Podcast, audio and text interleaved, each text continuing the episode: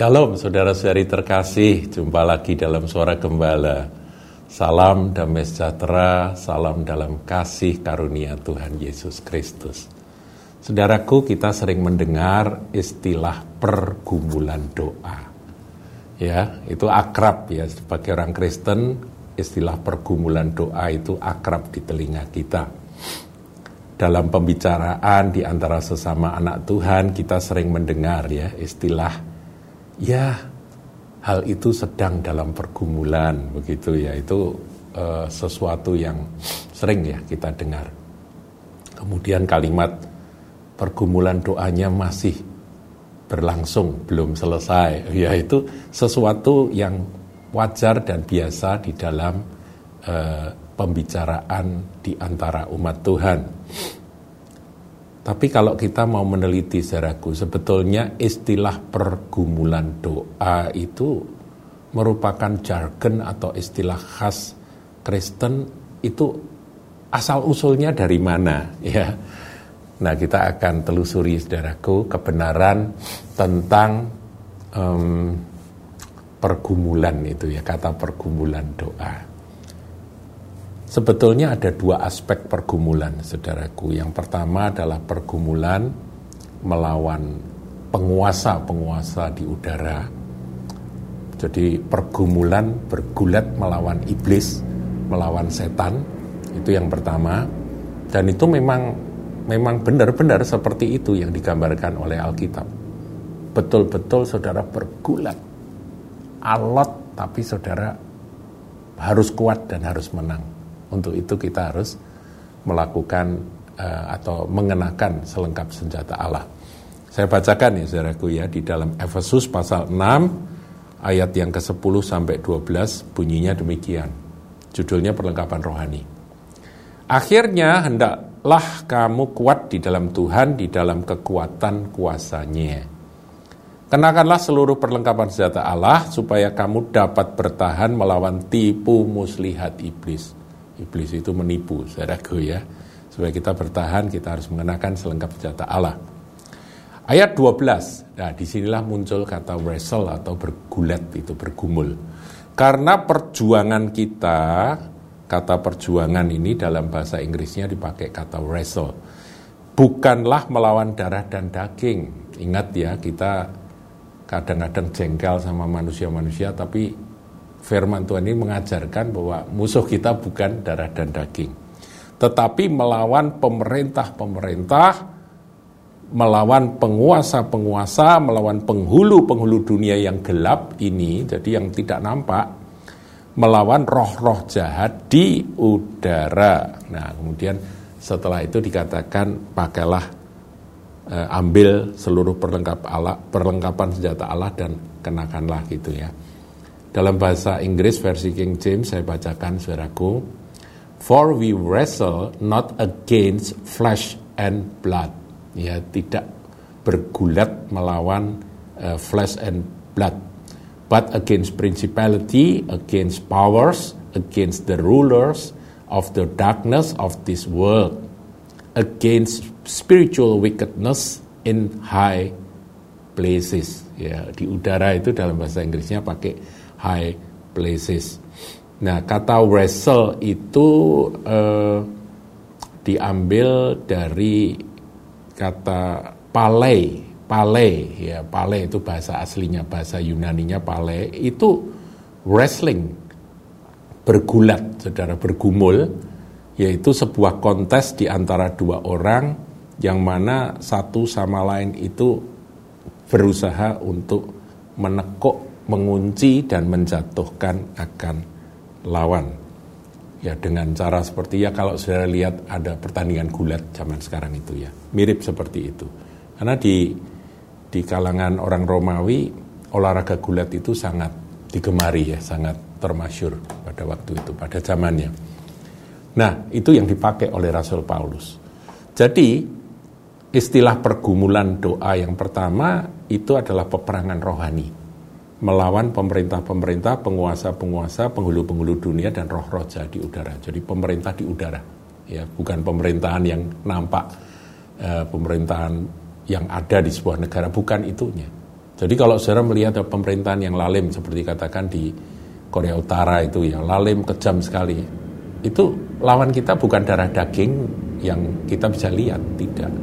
Tetapi ada penguasa di udara di balik semuanya itu. Ya, jadi kita harus pahami sebab itu di dalam doa-doa kita kita tidak salah sasaran. Wrestle, bergumul, ini berat saudaraku, peperangan rohani ini. Kadang-kadang melelahkan ya di dalam doa dan puasa kita bergumul berdoa untuk melawan. Tapi itulah e, perintah Tuhan untuk kita melakukannya. Dan doa doa dari umat Tuhan itu besar kuasanya untuk shaping history. Ya ada satu buku yang ditulis oleh um, Derek Prince, judulnya Shaping History Through Prayer and Fasting. Jadi melalui doa dan puasa kita ini membentuk sejarah. Jadi kita nggak boleh berhenti berdoa dan doanya adalah doa peperangan, peperangan rohani, pergumulan. Nah yang kedua saudaraku itu yang dilakukan oleh Tuhan Yesus di Taman Getsemani.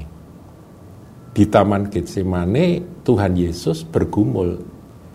Intinya apa? Intinya adalah bergumul untuk bisa totally menyerahkan diri pada kehendak Allah yang sempurna. Ini doa Getsemani, saudaraku.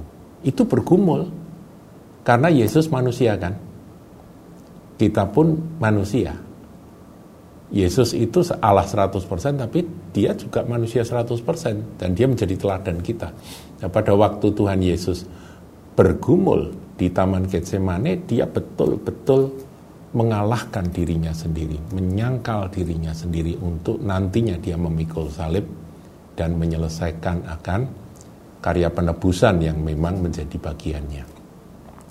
Jadi intinya menyerahkan diri pada kehendak Allah yang sempurna.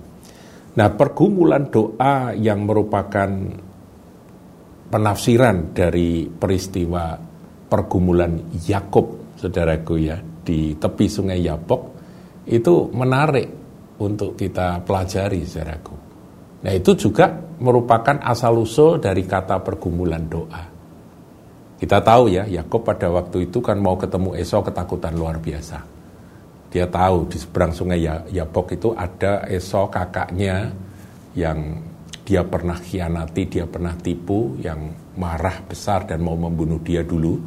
Dan dia harus ketemu dengan kakaknya yang seperti monster itu bagi Yakob itu kakaknya dia yang namanya Esau itu benar-benar monster dia ketakutan luar biasa saudara dan di dalam ketakutannya itu Yakob itu licik saudara. Kita lihat ya. Kita coba uh, lihat kisahnya di dalam kejadian 32 ayat 22 ya. Saudara kita belajar ya. Di sini kita belajar pergumulan Yakob dengan Allah. Ayat 22 dari kejadian 32 pada malam itu Yakub bangun dan ia membawa kedua istrinya kedua budaknya perempuan dan kesebelas anaknya dan menyeberang di tempat penyeberangan sungai Yabok. Sesudah ia menyeberangkan mereka ia menyeberangkan juga segala miliknya. Lalu tinggallah Yakub jadi Yakub itu licik saudara. Dia kirim akan istrinya dua istri dan dua budak yang juga jadi gundiknya itu dikirim keluar menyeberang segala harta milik dikirim budak-budak semua dikirim. Lalu tinggallah Yakob seorang diri. Nah di situlah dia bergumul. Lalu seorang laki-laki bergulat dengan dia sampai fajar menyingsing. Dia bergulat. Dengan siapa? Dengan Tuhan saudaraku. Nah ini pergumulan doa yang ujung-ujungnya adalah menang atau kalah. Ya, kita lihat ya, kita lihat ayat 25 dan seorang laki-laki bergulat dengan dia sampai fajar menyingsing ayat 25 ketika orang itu melihat bahwa ia tidak dapat mengalahkannya jadi laki-laki itu nggak bisa mengalahkan Yakub yang alot ini ya Yakub yang ulet ini ya Yakub yang sulit ditaklukkan itu ia memukul sendi pangkal paha Yakub sehingga sendi pangkal paha itu terpelecok ketika ia bergulat dengan orang itu.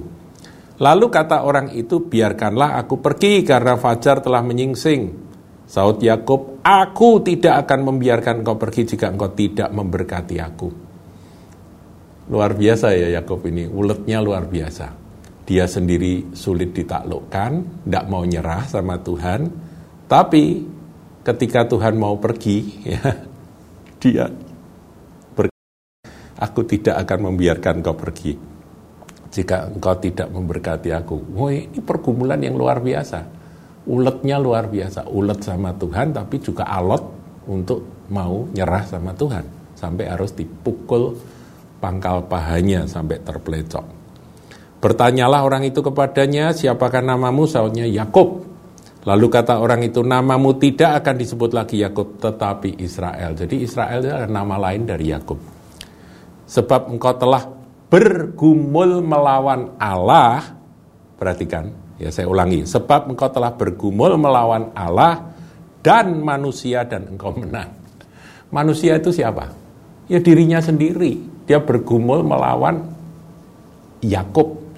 Yakub si akunya Yakub. Alotnya si Yakub itu. Dia akhirnya mengalahkan si akunya dan dia juga mengalahkan Allah dalam arti dia bisa menerima berkat dari Tuhan.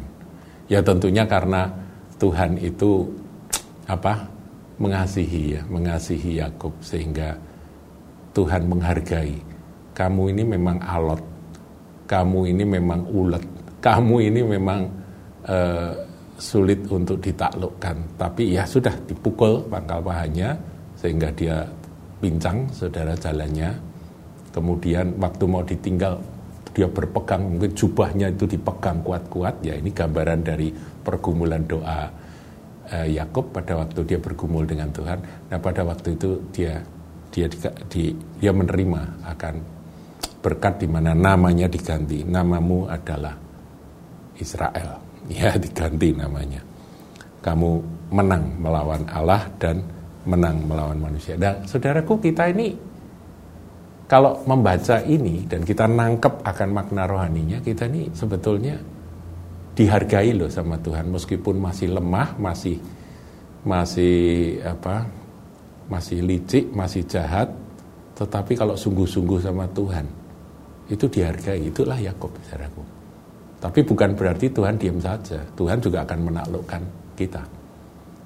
Di mana kekuatan Yakub itu kan ada pada kakinya dia kan tukang lari saudaraku ya. Ada papa caw gitu ya, caulut itu ya dia lari gitu ya. Dia selalu gitu. Nah kali ini dia dibikin nggak bisa lari yaitu kekuatannya untuk lari lari meninggalkan yang apa lari dari tanggung jawabnya dia tidak berani menghadapi akan apa yang dia perbuat ya kesalahan bertanggung jawab atas apa yang dia perbuat kesalahan yang dia perbuat dia lari nah itu dia dipatahkan. Pangkal pahanya itu dibuat terpelecok. Ayat 29, bertanyalah Yakub, kata, katakanlah juga namamu. Tetapi sautnya, mengapa engkau menanyakan namaku? Lalu diberkatinyalah Yakub di situ. Dahsyat, saudaraku.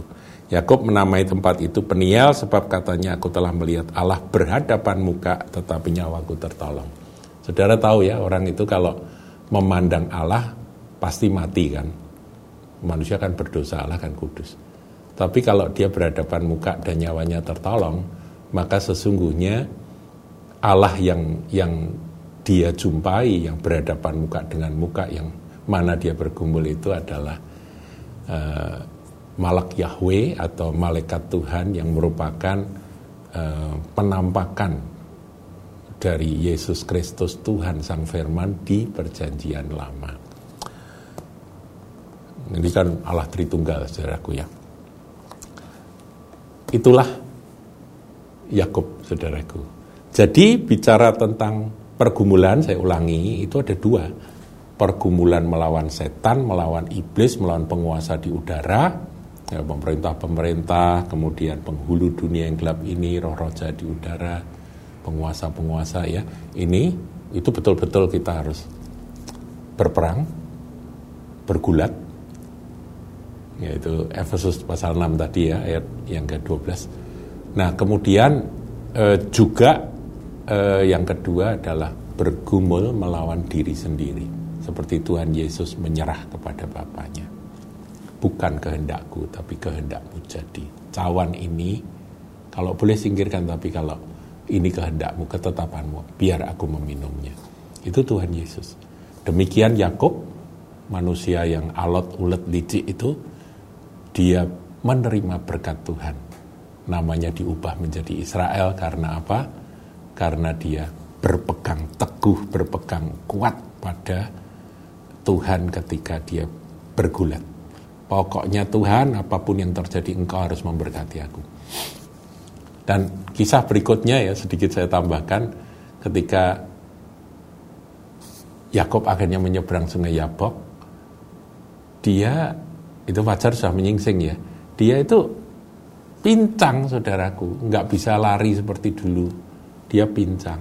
Tapi begitu dia ketemu dengan kakaknya, kakaknya diubah hatinya oleh Tuhan. Karena Tuhan kan pengatur segala sesuatu ya, berkuasa mengatur. Jadi musuh bebuyutan yang sangat ditakuti, monster yang sangat mengerikan bagi Yakob itu tiba-tiba hatinya dilembutkan, begitu melihat sang adik pincang, timpang, datang mendekat, langsung dipeluk saudaraku dan bertangis-tangisanlah mereka